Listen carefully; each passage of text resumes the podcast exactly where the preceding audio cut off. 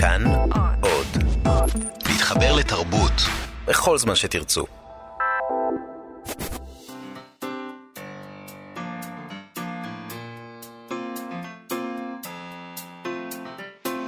מה שכרוך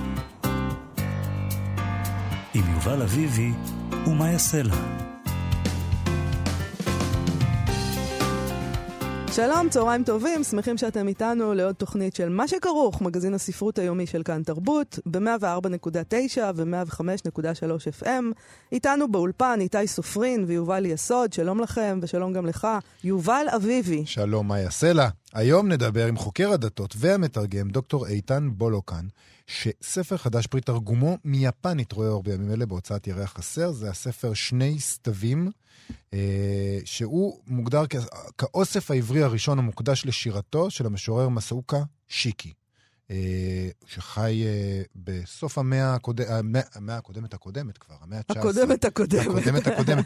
לא, כי, כי אנחנו רק ב-2000 ו... סוף המאה ה-19. הוא חי בין, הוא נולד ב-1867 ומת ב-1902. הקודמת הקודמת. זה יפה, אגב. לא, נגיד כן. בשיעורי היסטוריה, אתה יכול להגיד לתלמידים, אה, זה מסוף המאה הקודמת, הקודמת, הקודמת, הקודמת. בדיוק. לא, כי בתחושה שלי אנחנו ממש בראשית המילניום החדש, אבל כבר עברו 20 שנה. המאה ה-20 נגמרה. מזמן. זה נגמר. מזמן. כן. לא, אז... אבל אם, אני חושבת שאם אתה מהמאה ה-20 כמוני, אני לא יודעת, כנראה גם אני, אתה, אני כן, אני... אה, אז, אז אתה שם, אז אתה משם. לנצח. אני תמיד אומרת שאני מהמאה ה-20, ולא יעזור כלום. גם, כאילו... בתחושה שלי שנות ה-90 עכשיו של המאה ה-20. לא, זה לא, זה לא, כן, אני מסתכלת במראה פשוט. אני רואה שלא. אוקיי. זה בעיה, כשיש לך ילדים, אז קשה מאוד להמשיך להרגיש uh, צעיר. Uh, בכל מקרה, uh, שיקי הוא מהיוצרים הפוריים והחשובים בתולדות יפן המודרנית, מגדולי משוררי ההייקו בעידן שלאחר בשו. כל הדברים האלה הם לא יפנית בשבילי, אלא סינית כמובן, ואנחנו נשאל uh, את דוקטור איתן בולוקן על כל הדברים האלה. Uh, מה שיפה בשני סתווים זה שיש שם שירי הייקו בתרגום, לצד המקור היפני, שזה מקסים, יפה, זה נכון, רישומי קליגרפיה כאלה. כי זה נראה כמו... זה כמו ציור. ציור, כן. כן. זה נורא יפה. זה גם כמובן אותי מאוד מרשים במובן הזה שהוא יודע לקרוא את זה. כן, כלומר, הוא יודע יפנית. הוא יודע יפנית. יש המון אנשים שיודעים יפנית. אה, אולי נבקש ממנו להקריא את השירים ביפנית. אה, והוא גם מספק שם אה, מין אחרית דבר מקיפה אודות חייו והגותו של המשורר. אז ננסה להבין את כל הדברים האלה איתו, ונדבר עם משורר שלנו, טינו מוסקוביץ', בעברית לגמרי כל העסק הזה. שלנו. אני, אני השבוע הזה בסימן פטריוטיות. אוקיי. החללית שלנו, לא המעבדה... יודעת אם טינו מוסקוביץ' יסכים להגדרה, אבל בסדר. נשאל אותו. בכל מקרה, ספר שירה חדש שלו רואה אות בימים אלה בהוצאת מקום לשירה, בשיתוף עמדה, תחת השם 400 עוף. טינו מוסקוביץ' הוא משורר, הוא מתרגם. זוכה פרס היצירה לתרגום לשנת 2018, הוא מבקר ומוסף ספרים של הארץ, ממשתתפיו הקבועים של כתב העת דחק, ספר שיבריו הראשון, גרינשפן, ראה אור בשנת 2015 בהוצאת דחק, אז אנחנו נדבר איתו על הספר הזה, ספר מלא בשר על סוגיו השונים. נכון. אני אהבתי את זה מאוד, אבל אני בטוחה שיהיו אנשים שמאוד לא יאהבו את זה. אז בעיקר וזה זה... משמח. כן. אם, אם אנשים מבולבלים מול היצירה שלך, זה סימן טוב. בעיקר, בעיקר יצירה מבולבלת, יש שם המון דברים. אתה, אתה לא יודע לאן לסווג את זה, נשאל אותו מה, איך הוא מסווג את עצמו. אבל נתחיל עם עמוס עוז. נכון. מחר, יום רביעי, נשדר בכאן תרבות בשעה עשר וחצי בבוקר, תוכנית מיוחדת. במרכזה שיחה שקיימו מאיה קוסובר ושרי שביט עם עמוס עוז על הספר אותו הים. מה שהפך ככל הנראה, זה הרעיון האחרון של עמוס עוז. מאיה קוסובר מספרת בהסכת הזה שאותו הים הוא הספר האהוב עליה. של עמוס עוז, ולכן היא בחרה לעשות הסכת על זה. אז בוא נשמע קודם כל קטע מההסכת, עמוס עוז, כפי שהוא מדבר, היחס שלו לאותו הים, וגם, לספר הזה. וגם איך שהספר התקבל קצת. נכון. מכל הספרים שלי זה היחיד שאני חוזר לפעמים וקורא בו, אני לא קורא שום ספר אחר שלי. אתם יודעות למה? כי אם אני פותח ספר, מיכאל שלי או לדעת אישה, אחת משתיים, או שאני מסתכל ואומר, היום הייתי יכול לכתוב את זה יותר טוב, זה נורא מתסכל אותי, או שאני פותח לעיתים רחוקות ואני אומר, וואי, כזה טוב כבר אף פעם אני לא אכתוב, אז גם זה מתסכל אותי, חוץ מאותו הים. אני על הספר הזה מסתכל כמו פרה שהמליטה שחף. זאת אומרת, אני לא, אני לא עד הסוף מאמין שהוא שלי. הקוראים הראשונים לא ממש ידעו איך לאכול אותו. אני חושב שחלק מהם קצת נבהלו. הם לא אמרו לי את זה, הם היו מנומסים, אמרו מעניין, אמרו מקורי, יוצא דופן. כל המילים שאנשים אומרים כשמגישים להם במסעדה מאכל שהם לא טעמו אף פעם. גם בהוצאה ואחר כך בחנויות הספרים לא ידעו איפה למקם אותו על המדפים, בין הפרוזה לשירה. ואני הייתי אומר להם, מצידי, שיעשה חיים שישן כל לילה על מדף אחר, אין לי בעיה. זה עמוס עוז, כאמור, הרעיון האחרון עמו, שאפשר יהיה לשמוע מחר ב-10 וחצי בבוקר. אנחנו... יש שם, אה, אגב, אה, זאת אומרת, מדברים עם עמוס עוז, מדברים שם עם שירה חדד, העורכת של אה, כל ספריו האחרונים, ומדברים עם אשכול נבו, יש... זה תוכנית שלמה על אותו הים. נכון. אז אנחנו בעקבות ההסכת הזה והעיסוק באותו הים, חזרנו לביקורות שנכתבו על הספר אותו הים, כשרק יצא בשנת 98, והאמת היא, מהר מאוד המבקרים אה, סימנו את הספר הזה כמהפך דרמטי ביצירתו של עוז, ואהבו אותו מאוד. הרוב המכריע התייחסו אליו כאל דבר גדול שקורה ביצירה של עוז. אז לשמוע אותו אומר שהקוראים לא ידעו איך לאכול אותו, אני לא יודע עד כמה זה אה, מדויק. לא, אני חושבת שזה מאוד מדויק, יובל. זה ספר שמוגדר אה, כרומן. וכתוב בשורות קצוצות כמו שירה, נכון. זה דווקא מאוד הגיוני, שלא ידעו איך לאכול אותו. אבל המבקרים מהר מאוד זיהו אותו, וגם כפי שנראה, אה, בואו נלך צעד צעד, בקיצור. כשהוא יצא, נכתב עליו בהוצאה שהוא רומן נועז וחדשני שכמוהו לא כתב עמוס עוז עד היום. אה, רומן הקובע לעצמו את חוקי המשחק שלו, ובתוכם הוא פורץ הרבה מוסכמות. זהו ספרו המשחקי ביותר של עמוס עוז. אז, אה, אז מה שקרה הוא זה שמי שכתב עליו בסופו של דבר בביקורות היו חשובי המבקרים ו- ו- וחוקרי הספרות העברית בישראל. למשל, אבנר הולצמן, ממש אה, חוקר אה, חשוב, אחד החשובים אי פעם, כתב עליו כך בידיעות אחרונות. מדובר בהפתעה גדולה ומרגשת, הוא כתב. נאמר את האמת, הוא אומר, בשנים האחרונות נראתה יצירתו של עמוס עוז כאילו נקלעה למסלול של שגרה בטוחה ומיומנת, שיש עימה אוזלת כוח, שלא לומר מבוי סתום. והנה, אותו הים, ספר נועז בצורותיו, חושפני בתכניו, קליל ומשועשע, אך בעת ובעונה אחת גם מפעים, נוקב ומצמרר. הוא מתאר שם את השפע הסגנוני אה, והתוכני של הספר, אבל מבהיר שכל הסיבוך הזה, הסיבוך, הוא סיבוך מדומה, הוא כותב, מתוך שלל הצורות הספרותיות, הסגנונות המגוונים, הקולות המתחלפים, מצטרף סיפור עלילה פשוט וברור. אה, הוא כמובן מתייחס לשאלת החשיפה העצמית שלו, שזה משהו שדיברו עליו הרבה סביב הספר הזה, אה, לשאלה אם דמותו של עוז עומדת במרכז הספר או לא. הוא מסיים בכך שהספר עשוי לסמן מהלך של התחדשות דרמטית ביצירתו של עמוס עוז, על סף שנתו ה-60. נכון. Uh, במעריב כתב על הספר חוקר ספרות עברית נוסף, חשוב, גבריאל מוקד, פרופסור גבריאל מוקד, הוא כתב, אותו היה מחזיר אותנו בבת אחת לדיון ביכולותיו העיקריות של הנובליסט והרומניסט הבלתי נלאה והחשוב הזה, אף שהספר שלפנינו מוביל אותנו בעצם לא בנתיב הרומן, הסיפור והנובלה, אלא בכביש עוקף רומן ובדרך עוקפת ציפורת בכלל. שזה, אני לא יודעת אם זאת מחמאה. Uh, על העלילה הוא אומר, אילו ניתנו החומרים הללו במסגרת רומן שגרתי נוסף, התוצאה הייתה מפולת מוחלטת בדמות עוד רומן מינורי גרוע. בעוד כעת מונח לפנינו קובץ יפה של פרוזה שירית, מרגש ונוגע ללב. השאלה שמטרידה אותי היא, מדוע זה כך? האם רובצת כיום על רומן ריאליסטי בהיקף בינוני קללת השטיחות? ואם כן, ממה היא נובעת? מהז'אנר עצמו? מהליכה במסלול שגרתי מדי?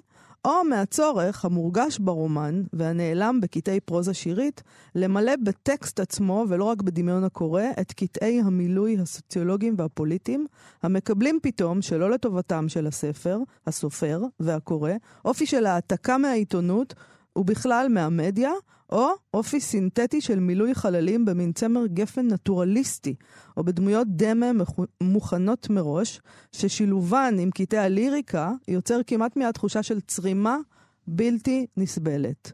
לעומת כל אלה, לדבריו, עוז עקף במהלך נועז את שדות המוקשים של הטריוויה והעניק לנו מחבר חזק, תמצית גבישית של מסע על פני מציאות שהשחזור והחיקוי שלה ממזיס בתחום רומן רגיל עלול היה להיות בנאלי לחלוטין. אותו הים הוא הצלחה רבת קסם מבחינת הז'אנר ומבחינת המיקרו-טקסט גם יחד. הוא כן חושב... מחמיא לספר. מאוד מחמיא לספר, mm-hmm. אבל uh, זה מאוד מעניין איך שהוא, איך שהוא מגדיר את הרומן העברי של סוף uh, המאה הקודמת. באמת המאה הקודמת. המאה ה-20. המאה ה-20 האמיתית. זאת אומרת, הוא מדבר על זה שכאילו כל החומרים האלה שעמוס הזה התעסק בהם, אם הוא היה שם אותם, סתם כותב עליהם רומן, הוא לא היה אוהב את זה. זה מאוד מעניין הניתוח הזה. אה, במעריב כתב גם אה, יורם מלצר. שוב, כולם מתייחסים לזה שבעצם אותו הים הוא מפנה כזה אחרי תקופה מאוד ארוכה שבה היצירה של עוז דשדשה. הוא כותב ככה, לאחר שורה של רומנים שהלכו והעפירו עד לסף הריקנות, מנסה עוז לארוג מרבד מחודש של עומק ומשמעות. הדמויות הרבות למדי המאכלסות את הדפים ומקיימות מערכות יחסים בהרכבים שונים וגם עם המחבר, הן זרמים שונים בנפשו של אותו מחבר, שלפעמים, סליחה, הוא גם דמות בעלילה שהוא רוקם וגם פורם. השאלות הקלאסיות ביחס למי כותב את מי ויחסי סופר דמויות יפרנסו דיונים על איזה עוז חדש, אפילו פוסט-מודרני, אבל עוז איננו בורכס או פסואה. אה, עם זאת, הוא כותב שהוא נותר בתחושות מעורבות בסוף הקריאה. בסוף, הוא כותב, מצד אחד שמחתי שסופר ותיק ונחשב מרשה לעצמו לחפש אמצעי הבעה חדשים, אבל מצד שני הוא קובל על כך שעוז מגביל את הנגיעה, תוחם את החפ... החשיפה, ואינו קורע ממש את מסך העמוס עוזיות הישן. אה, הוא מסיים את הביקורת בנימה חיובית, פתאום אפשר לומר על עמוס עוז, ימים יגידו. נכון. Uh, בהארץ כתב עליו מסע ארוכה עוד חוקר חשוב, גרשון שקד. Uh, נראה, אתה יודע, כל ענקי הספרות העברית החליטו uh, להתקבץ ולבדוק את הספר הזה. הוא כתב, הנובלה הפיוטית הזו ממצה את כישרונותיו וסגולותיו של עוז. פתוס, סגנון, תחכום, העלולות במינון שונה להיות גם חולשותיו. כשחולשות סגולות אלה מופיעות במרוכז ובביצוע המעולה ביותר האפשרי, אתם מלמדים שמה שעשוי להתפרש כחולשה הוא ביטוי לכישרון שבתחומים מסוימים אין לו אח ורע בספרות העברית. הוא מתאר את עוז אה, המכנס בגינת ביתו דמויות בדיוניות ודמויות ריאליות להילולת משחק שבין בדיון למציאות. הווידוי נתמך במידה רבה מאוד באווירה שיוצרים הלייט מוטיבים, מנגינת הרקע לסולו של הדובר המתוודה.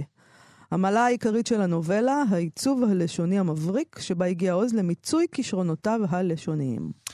כרגיל, יש אה, מי שמקלקל מעט את החגיגה. גם ו... אני הייתי מקלקל את החגיגה, אם הייתי כותבת אז. אני ממש לא אהבתי את הספר הזה. ו... בוא תקלקל. רגע, לא, לא אהבת אותו בזמנו, או שאת לא אוהבת אותו עדיין? גם היום וגם באמת? אז, כן. אה, מעניין. חזרתי אליו עכשיו, וזה פשוט uh, כל כך מלאכותי. זה מלאכותי בעינייך. והוא כל כך לא, הוא לא משורר, וזה שהוא קצץ את השור, אני לא רואה מה הטעם בדבר הזה. את יודעת מה חשבתי, לפני שנקריא את הביקורת שמקלקלת את החגיגה? חשבתי שזה מעניין, נגיד, אה, בהשוואה לנופל מחוץ לזמן של דוד גרוסמן, שגם כן, הרבה אחרי... אה, אה, בסיטואציה שונה כמובן, אבל אה, אחרי אה, כתיבת פרוזה מאוד מאוד מהודקת וכניסה לאיזה מסלול מאוד מאוד ברור של מי אתה והסופר הגדול, ואפילו התחלה של מבקרים שקצת קודשים את היצירה שלך ואומרים שהתקבעת וש... פתאום ללכת ולכתוב פרוזה שירית. זה מאוד מעניין שגם אה, עוז וגם אה, גרוסמן עשו את זה. אבל אני חושבת על נופל מחוץ לזמן, שהוא באמת מחוץ לזמן. אני לא, אני לא יכולה להתייחס לספר הזה בגלל הנושא שלו ובגלל מה שקורה שם. נכון. אני לא יכולה להתייחס אליו, הוא מחוץ לזמן. באמת, אני לא יכולה לשים אותו ליד אה, אותו הים. נכון, אבל אני חושב שבמידה מסוימת שניהם, שני הספרים האלה, זה איזושהי מגבלה של הסופר. הוא אומר, על הדברים האלה, אני, הטראומה הזאת, אני חייב לכתוב אחרת, אני חייב לפרוץ כן. את הדבר הזה, אני לא יכול לכתוב על זה רומן, לא כי הרומן הוא בנאלי, כמו שמוקד כותב, אלא כי אני, אני חייב לצאת הצידה. אני חייב שמישהו אחר, שהוא לא עמוס עוז או גרוסמן הרגיל, יכתוב את זה, כי זה כל כך כל כך בפנים. נכון. זה מעניין גם, אה, נגיד, מה שמלצר כותב על החשיפה הזאת, שזה גם כן משהו שכולם התפעמו מהחשיפה הזאת, והוא מזהה משהו שזיהו אחר כך. בהסכת הזה, אני לא זוכרת מי אומר שם, אה, יכול להיות ששירה חדד אומרת את זה שם, שבאיזשהו מקום הוא הניח פה את התשתית באותו הים לסיפור על אהבה וחושך. נכון. בחשיפה הזאת פה, היא ההתחלה של סיפור על אהבה וחושך. נכון, אבל גם, גם ב, אה, כשעמוס עוז נפטר ודיברנו עליו כאן, נדמה לי שזה היה יגאל שוורץ שאמר לנו, תיזהרו אם להתייחס לחשיפה הזאת כפשוטו. עוז מאוד מאוד מדויק במה הוא חושף ומה הוא לא חושף, ו, ומה הוא עושה עם הפרטים שהוא מחליט uh, לתת לקוראים. בואי נדבר על מי שקלקל את החגיגה אז. Uh, גם כן, שלא במפתיע, זה היה עמוס לויטן מעיתון 77, שנוהג לקלקל את החגיגה. נכון, הוא קורא נכון. את כל הביקורות שנכתבו לפניו, ואז הוא אומר, אה, ah, יש פה טרנד, אני uh, אפוצץ את הבועה. הוא כותב שם שהוא מסכים עם מבקרים בגדול. שזה ספר טוב, אבל, ככה הוא כותב, אני מוכרח לומר שדרכי אל ההסכמה הזאת, תוך כדי קריאה בספר, הייתה קשה. דווקא אותה פרוזה שירית, וליתר דיוק שירים סתמיים למדי, הם שהפריעו לי ועוררו את התנגדותי. אם חל בי מהפך, היה זה בזכותם של קטעי הפרוזה בהמשכה, ולא בשל פרקי הפיוט, שאת רובם מאוד לא אהבתי. פיוטים אלה נראים לי בנאליים, קלישאיים, בינוניים ובעלי חז... חריזה דוחה. חריזה דוחה. ככה הוא כתב. יפה. קטע הפרוזה הספציפי שאיתה את הכף עבורו היה קטע שבו גיבור הספר אה, אלבר דנון אומר למחבר, המצב כעת שכל ההמון במדינה צווח המלך עירום, ואולי בגלל זה הילד צריך צעקה חדשה, או שיגיד מה שיש לו בלי להרים צעקה. גם ככה, הרעש חזק, כולם מוקיעים את כולם, כולם מבזים את כולם. זה היה הקטע שגרם לו להבין שזה ספר טוב. טוב, כאמור... אה, אה, כל הדבר הזה, המעניין, אה, יהיה מחר בשעה עשר וחצי בבוקר, אה, בהסכת של אה, מאיה קוסובר ושרי שביט. אה, האזינו. נדבר עכשיו על ספר חדש. שיצא בימים אלה, שמו שני סתווים, תרגם מיפנית חוקר הדתות והמתרגם, דוקטור איתן בולוקן. Uh, הספר רואה אור בהוצאת ירח חסר, והוא האוסף העברי הראשון המוקדש לשירתו של המשורר מסאוקה שיקי. אמרתי נכון, יובל? עוד לא. מעט נבדוק. היפנית שלי קצת שיקי, חלודה. הוא, הוא, אה, אומרים לנו שהוא מהיוצרים הפוריים והחשובים בתולדות יפן המודרנית, מגדולי משוררי ההייקו בעידן שלאחר בשו. Uh, לצד שירי הייקו בתרגום לעברית, אמרנו כבר, יש בו גם את המקור היפני, שזה דבר שאנחנו מאוד התלהבנו ממנו. יובל ואנוכי. כי אנחנו, כי אנחנו בגדול כאילו פריפריאליים. אנחנו לא, זה פשוט יפה, קרתנים. זה מאוד אסתטי, זה, זה הכל. יפה, אבל זה גם אנחנו, אנחנו, וואו, אני יפני. קרתנית, זה ידוע, אבל, אבל זה גם פשוט יפה, בא לתלוש את הדף ולמסגר אותו, ויש בו רישומי קליגרפיה, ואחרית דבר ומקיפה אודות חייו והגותו של המשורר, אה, שהיא מעניינת בפני עצמה. שלום למתרגם איתן בולוקן. שלום, שלום לכם. אמרתי את זה. נכון? מסאו קשיקי? נכון, מסאו קשיטי, כן, זה שמו. אוקיי, אז, אה, אז בוא נתחיל מההתחלה, קודם כל נדבר על הצורה הזאת, הייקו. מה, מה זה הצורה הזאת? מה היא, והאם אין היא מנוגדת באופן, בתכלית למזג הים תיכוני שלנו? האיפוק, הצמצום, זה בדיוק ההפך מאיתנו. יכול להיות שזה ההפך, אבל גם זה מדבר אל רבים מאיתנו, אז כנראה זה נוגע בנקודות אולי שהן בגלל זה, רלוונטיות. כן. אולי בדיוק בגלל זה. יכול להיות שזה באמת משלים איזה טמפרמנט, אה, שדרך אגב גם מצוי באסיה, גם אצל היפנים, הם מאוד מאוד אה, שוצפים וקוצפים אה, לפעמים, למרות שזה לא נראה ככה. אבל ההייקו זה אולי השיר הקצר ביותר בת- בתולדות האנושות אחרי הפסוק התנ"כי. מהמם. הרי יש גם פסוקים שאפשר לקרוא אותם כשירה. אה, כמובן פסוקי תהילים, אבל אה, באסיה אפשר למצוא גם אה, פסוקים, פסוקי חוכמה, קצרים מאוד, אבל גם שירה, פשוט שירה קצרה, שהיא תולדה של שירה ארוכה ופתלתלה עתיקה יותר, שבסופו של דבר חוכמת הדורות מראה שאולי עדיף באמת המבע הקצר. כן. הם כאילו, הם כאילו צמצמו את עצמם לאורך הדורות? במובן מסוים צמצמו אותם, או הבינו מחדש והעריכו מחדש את כוחה של ההבעה הקצרה, שאומרת משהו, אבל גם השירה הרבה פתוח, הרבה, הרבה חלל יש בהייקו, הוא פותח, הוא לאו דווקא סותם. זה אה, משהו שמאוד, הם, הם, הרבה פעמים אנשים נתקעים מולו בהייקו. מצד אחד אתה אומר לעצמך, אני יכול להבין מה, שאתה, מה שאני רוצה, אבל הרבה פעמים אנשים, נגיד כמוני, אה, אומרים לעצמם, אבל, אבל, אבל מה הוא רצה להגיד? מה, למה לא נותן לי עוד אה, קצת, אה, מה קורה פה? למה, למה האחריות היא עליי פתאום? אה? נכון, נכון, וזה, וזה, אני חושב שהייקו טוב אמור לגרום לזה. גם המילה הייקו מורכבת מהסימנית היי, שאפשר גם לעשות ממנה פועל, כלומר היי סודו ביפנית, שפירושו לפעול, לבדר, לגרום ל... זה פועל גרימה יכול להיות. כלומר, הייקו, המילית קו, היא שיר. כלומר, הייקו פירושו המילולי זה שיר שעושה משהו, לאו דווקא אומר משהו. מעניין, אייקו, אבל גם העניין פה זה שיש בו גם, אה, יש חוקים, זה לא סתם כתבתי שיר קצר. בהחלט. יש 17 הברות, נכון? זה בהחלט. החוק, יש, זה בהחלט. לא כל אחד פה יכול לעשות מה שבא לו. נכון. זה מסורת עם תקנות וחוקים אבל- וכללים. אני ניסיתי אתמול לספור, לא כל השירים בתרגום אה, לעברית הם 17 הברות, או שאני טועה. נכון, כי עברית אינה יפנית, וכדי לעשות צדק למקור צריכים להיות, אני חושב, בתור מי שלוקח עליו את היומרה של התרגום, חלק מהתפקיד שלי כמתרגם זה להיצמד למילולי, אבל גם להניח למילולי. זאת אומרת, אם אתה, אני... אם אתה כותב הייקו בעברית, אתה תקפיד להיות אה, לפי המבנה של העברות, ואם אתה מתרגם אז לא? אני אשאף לעברות, אבל לא יהיה כפייתי בנוגע לזה. ואין איזה מועצת חכמים של הייקו שמסלקת אותך מהמסדר אם אתה לא עושה את זה כמו שצריך? לא שאני מכיר, וגם אם הייתה, אז אוקיי, שתגיד. אה, וגם אני רואה את התקדימים ההיסטוריים ביפן.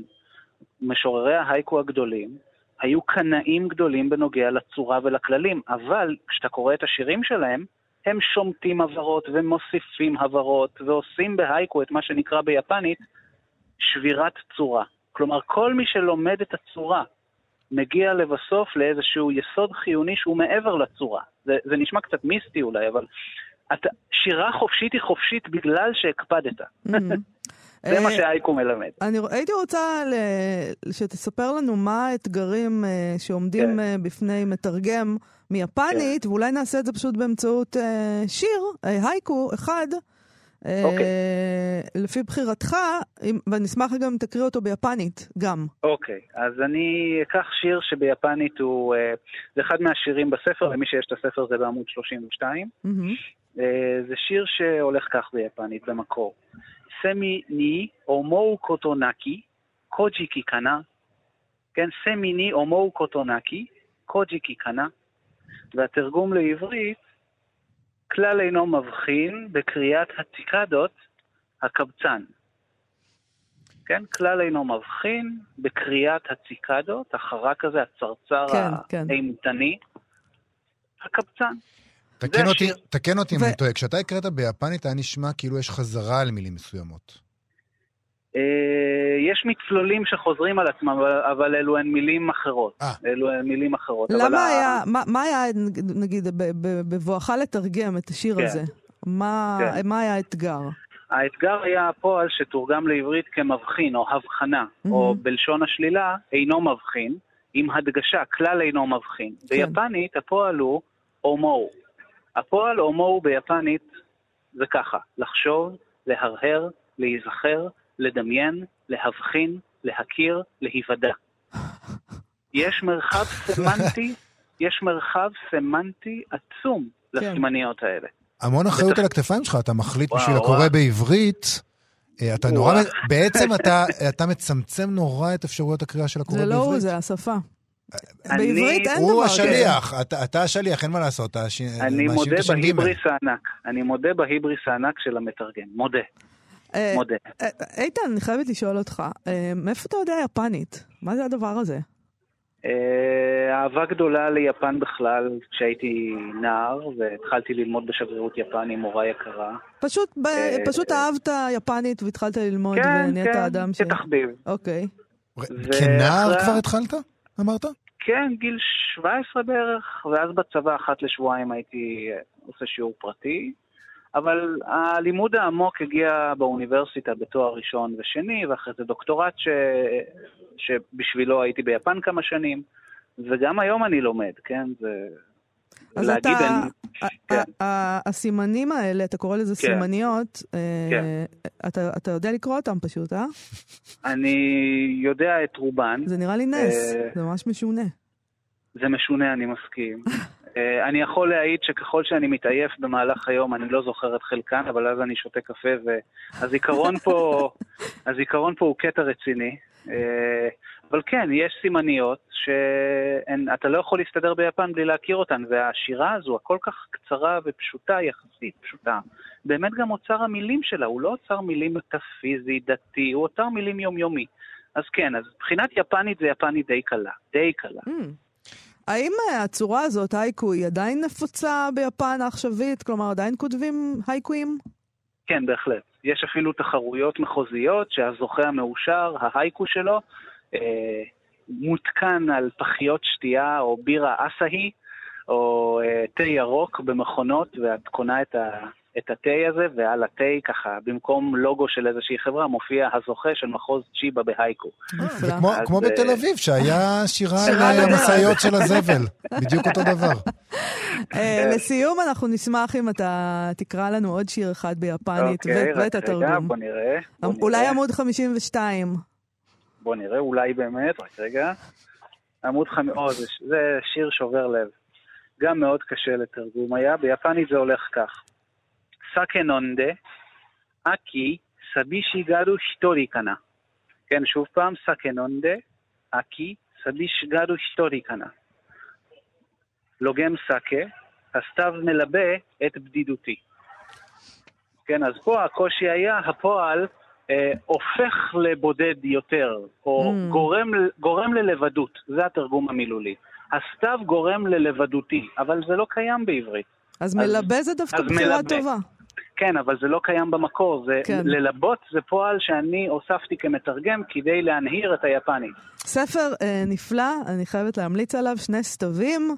אה, הוצאת ירח חסר. תודה רבה לך, דוקטור איתן בולוקן. תודה, תודה, תודה לכם. להתראות. 400 עוף. זה השם... עם המספר, מספר 400, לא כן, 400. כמו 400 המלכות, אבל עם עוף אחר כך. 400 עוף. כן. אני, בראש שלי, תכף נסביר.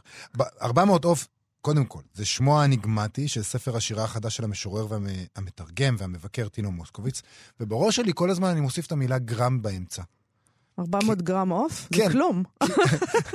אבל זה מצביע לך, אני צריך סדר. מה 400 עוף? 400 עוף מה? 400 גרם עוף. תקרא את אה, השיר.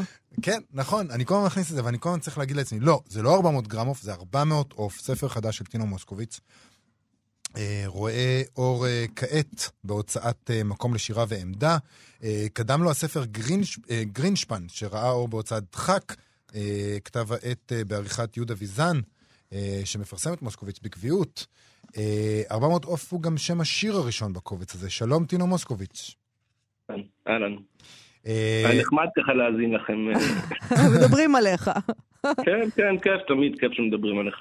תגיד, טינו, אולי לפני שנתחיל, תקרא את 400 עוף שיבינו על מה אנחנו מדברים. סבבה, מגניב. בבקשה. ואני מזהיר, זאת אה, הקראה קצת מייקובסקאית, כי השיר דורש... לא מצפים ממך לפחות מזה. מגניב, טוב, 400 טוב. ביום הקבוע בלוז החודשי הרמתי פני פיתה אל בוקר שטוח, ושם בבלילה של מרק עדשים, 400 עוף על הקרום המתוח, 400 עוף שוחררו לחופשי, וחיש נבעטו אלי שחק רתוח, בבוקר שטוח של יום חמישי באב הגרוע שבחודשים שוגרו עלי טיל לאוויר הפתוח, עפים העופות ומולם מתכווץ עולם מקוטע, מפוסק וגדוע, קצה אור אחרורי, צל בוצי מבצבץ וריח נודף ממקור לא ידוע, אך לא הקיטוע ימנע באדם, ולא היגיון או יגון או אנגינה, מקור מקוטם או צוואר מגודם, או גב ממורת עדי כחל, והנה ארבע מאות עוף ארוזים וקפואים, נוגחים בחמה בשורה מתקפלת, אך לא מק הפלא, ארבע מאות אלף עופות שהפכו במעופם אפויים, ארבע מאות אלף קרומים חרוכים, קוראים את הקרום וממנו והלאה, וכמו מפציצים, מטילים מלמעלה ביצים של חמין ברחובות ערוכים. טוב, אני חייבת למחוא כף. לגמרי. בראבו, זה היה נהדר. תודה רבה, תודה רבה. תשמע, יש הרבה דברים פה לדבר, אבל בוא נתחיל בזה שכשקוראים את השיר הזה, מבינים עד כמה זה רדיקלי היום לכתוב אה, בכלל על עוף. אה, יש לך גם בספר הזה שיר שבו אתה כותב, אישה מטגנת קציצות, זה יפה. בשר זה מסעיר בידיים טובות, ידיים כאלה יפות, כך או כך. בשר לבדו חלקלק ואדום. אה, בשירים שלך אנשים לוגמים יין, אוכלים מרק רגל, סלק. מה... זה, זה כבר דברים שאסור לעשות. טינו? אסור בעיני מי? אני עושה את הדברים האלה כל הזמן ונהנה מאוד. בכלל אבל, הספר מאוד בשרני. יש בו הרבה עיסוק בבשר, גם בבשר של חיות שאוכלים, וגם בבשר של בני אדם. וגם בהפרשות. והפרשות. נהדר. אמ, אלה החיים שלנו, החיים שלנו נעים בין אה, אכילה להפרשה. נכון. אם אני יכול לעשות מזה שיר טוב, אז מגניב. אנחנו, יש לך שיר של הפרשות, אתה לא תקריא אותו עכשיו, יובל. אני לא אקריא אותו, אבל נורא הזדהיתי איתו, הוא מדבר שם על הפרשות... מי המליץ לך עליו, אבל... את המלצתי עליו, פתחת את הספר, אמרת, יובל, אתה חייב לקרוא את השיר הזה. זה אה, שיר שבו אתה מדבר על הפרשות של חתולים ועוללים. כל עולמי סובב סחרחר במערבולת של גללים, ואמרתי, זה שיר אליי, כי אני כל היום בגללים של חתולים וילדים. זה בעצם שיר נגד הבורגנות, נגד, אה, נגד הדבר הזה שאנחנו כל הזמן מנגבים היום ומטפלים, ונמצאים בסד כזה של... ואז אתה אומר, גרוני ניחר, אך נעים וחם לי בתוכו, זה מה שאנחנו אוהבים, ואנחנו שונאים ואוהבים את הבורגנות הזאת. אם הבנתי נכון את השיר. אה, אני לא כתב, אני כתבתי על חרא. אתה ראית שם... אתה ראית שם בורגנות, זה סבבה. כל אחד, אתה יודע, זה כמו מראה חרא. כן, כן, לחלוטין, לחלוטין. אני כתבתי על חוויה אישית מאוד מאוד חזקה שאני... שאני אה, עובר כל יום, מהבוקר עד הערב. אני מבינה שיש לך ילד. נעים לי וחם שם, בהחלט, נעים לי אוקיי. וחם. אבל אה, גם קצת מסריח, מה לעשות? תגיד, טינו, אה, אני מבינה שאתה, יש לך סלידה מאוד גדולה, רואים את זה, קראתי גם ראיון איתך וגם רואים את זה בשירה, מכל הדבר הזה שנקרא תקינות פוליטית, זהות, כל הנושאים האלה, יש לך בוז עמוק כלפיהם, יש פה שיר על האומנית הרב-תחומית. אתה לא מוצא את עצמך שם, בחבר'ה האלה. אני מאוד מקווה, מאוד מקווה לא להיות במקום הזה. אני לא יודע, העניין הזה של לעבוד בזה, זאת אומרת, מבחינה עקרונית. כן. אה, אני לא כותב כי אני צריך, נגיד שירה, אני כותב ביקורות כי צריך לכתוב ביקורות, זה בטוח. צריך במובן אני... של אה, להתפרנס, או צריך שיהיו ביקורות? ביקורת תהיה? גם וגם. אוקיי. גם אין, mm-hmm. שלא, שלא יהיו לכם טעויות.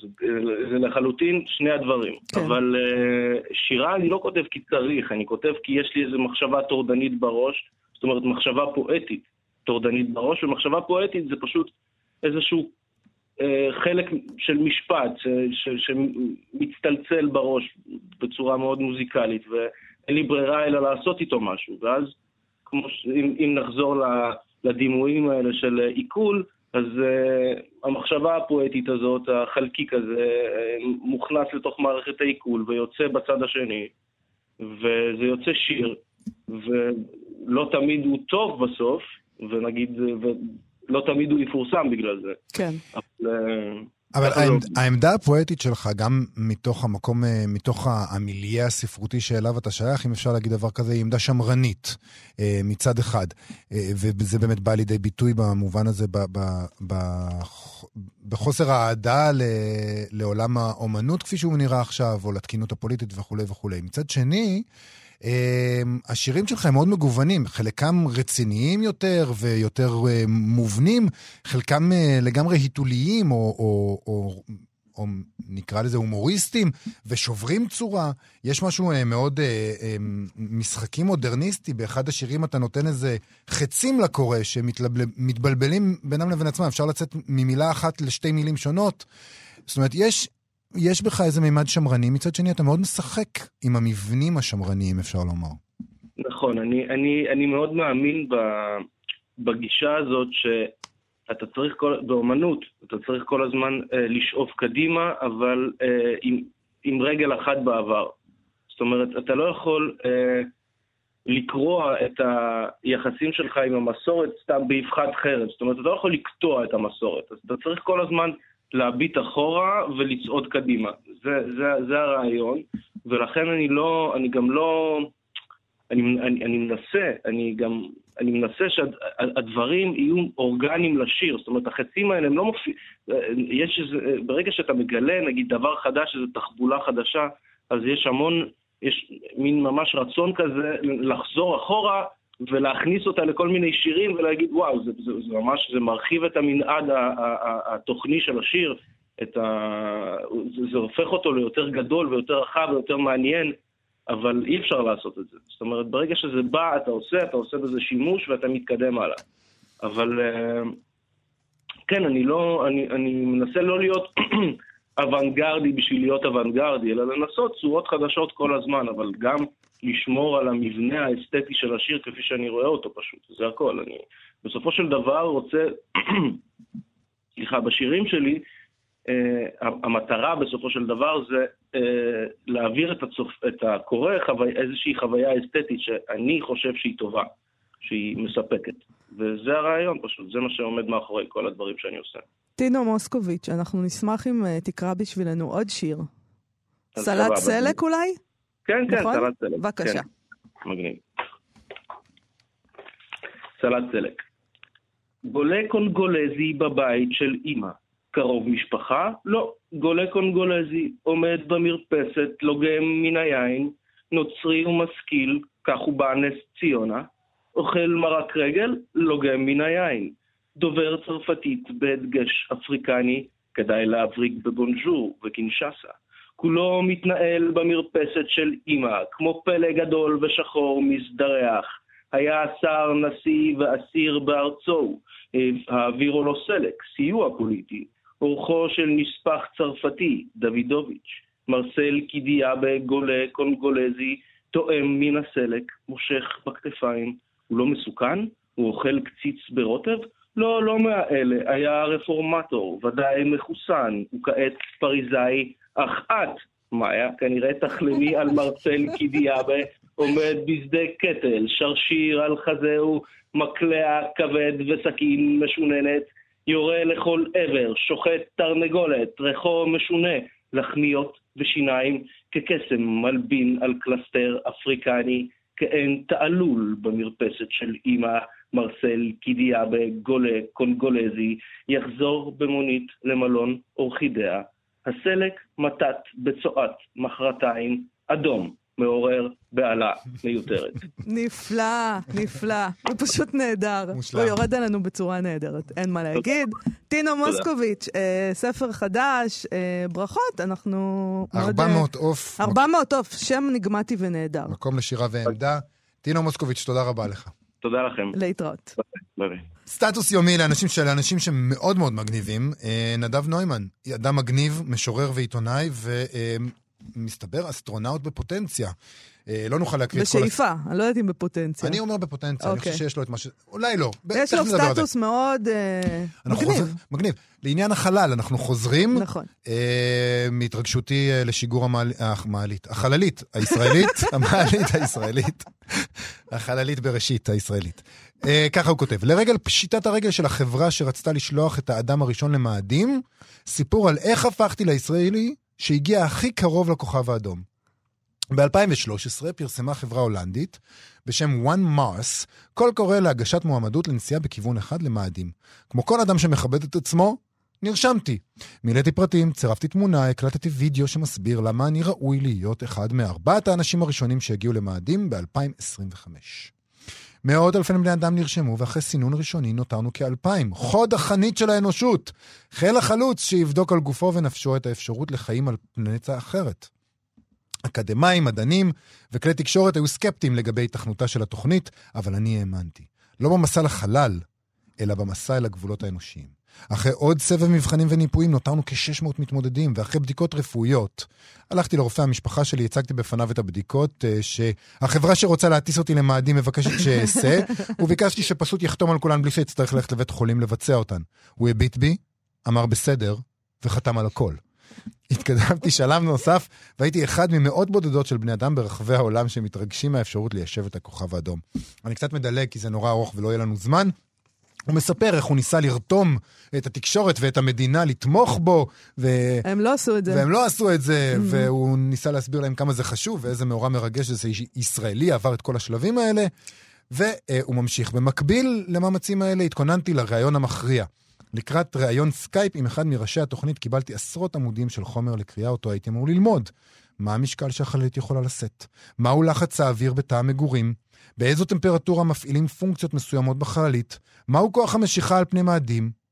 האם אתם חושבים שלמדתי את זה? שקראתי את זה? כמובן שלא. ביום המיועד לבשתי מקטורן, תליתי תמונה של מאדים על הקיר מאחוריי, ובעודי לובש את התחתונים האהובים עליי, התיישבתי על הספה ופתחתי את הסקייפ. מולי אגב עלה גבר הולנדי מקריח, ואחרי סבב נימוסין קצר החל לשאול אותי שאלות על החומר שהתבקשתי ללמוד. מיד אמרתי לו, אדוני, מה שאתם צריכים זה לא אדם שידע את ההרכב הכימי של הדלק שמטיס את החללית. מה שאתם צריכים זה משורר ופילוסוף שיכול להבין את משמעות הטיסה של החללית באמצעות דלק למאדים. אתם מבקשים לשלוח אוטובוס מעופף אל כוכב שמעולם לא דרכנו עליו, ושמרוחק מכדור הארץ מרחק של עשרות מיליוני קילומטרים. אם אתם חושבים שמשימתם תצלח על ידי כך שתשלחו רק אנשים שיודעים לחשב חישובים ולשנן שינונים, אתם טועים ובגדול. אתם צריכים אדם שידע להכווין קהילה של בני אדם על גבי מאדים אל עבר הטוב בעולם החדש. על כללי מוסר בפלנטה המרוחקת ומבודדת לא חשבתם. גם לא על משמעות הקיום האנושית במקום שאינו כור מחצבתנו. למזלכם, אני חושב על הדברים האלה יום ולילה, מצאתם את הבן אדם שלכם. אתם חושבים שזה הרשים אותו? שהוא השתכנע? לא. הוא אמר לי, תודה, שלום, ולא שמעתי מהם יותר. אתמול קראתי שחברת one mouth פשטה רגל, ואני רוצה לנצל את הבמה ולהגיד להם דבר אחד. אמירה שתהדהד בחלל הבין כוכבי ותיגע בעומק הדברים. מגיע לכם אנטישמים. אוקיי, תשמע, יובל. אמנם החברה הזאת פשטה את הרגל, אה, מה שעשוי להצביע על התנהלות כושלת בתחו, בכל מיני תחומים, אבל uh, לפחות בדבר אחד אפשר לסמוך על שיקול הדעת שלהם. uh, הם ניפו מישהו שסירב ללמוד את החומר בטענה שהוא משורר ופילוסוף. Uh, יכול להיות שבכל זאת, בכל ענייני המסע לחלל, עדיף לדבוק באנשי המתמטיקה והפיזיקה. הם, הם ככל הנראה באמת יותר מתאימים להיות החלוצים של הדבר הזה, מאשר משוררים ואנשי רוח. אם כן, אני חייבת לומר שהיוזמה של נדב נוימן אדירה. ואני גם רוצה לומר שהרעיון, תדמיין את דוד אבידן, עודד כרמלי ונדב נוימן במאדים. זה דבר נהדר, זה יכול להיות... ריאליטי שהייתי רוצה לראות. אם הם היו מקריאים את שיריהם ממאדים, את זה היינו רואים ביוטיוב בשמחה. נכון. אה, אני חושב שהם צריכים להיות אה, אה, כמו טייסים, אנשי החלל. אנשי מדעי הטבע שבאו עם גוף של אה, אה, לוחם.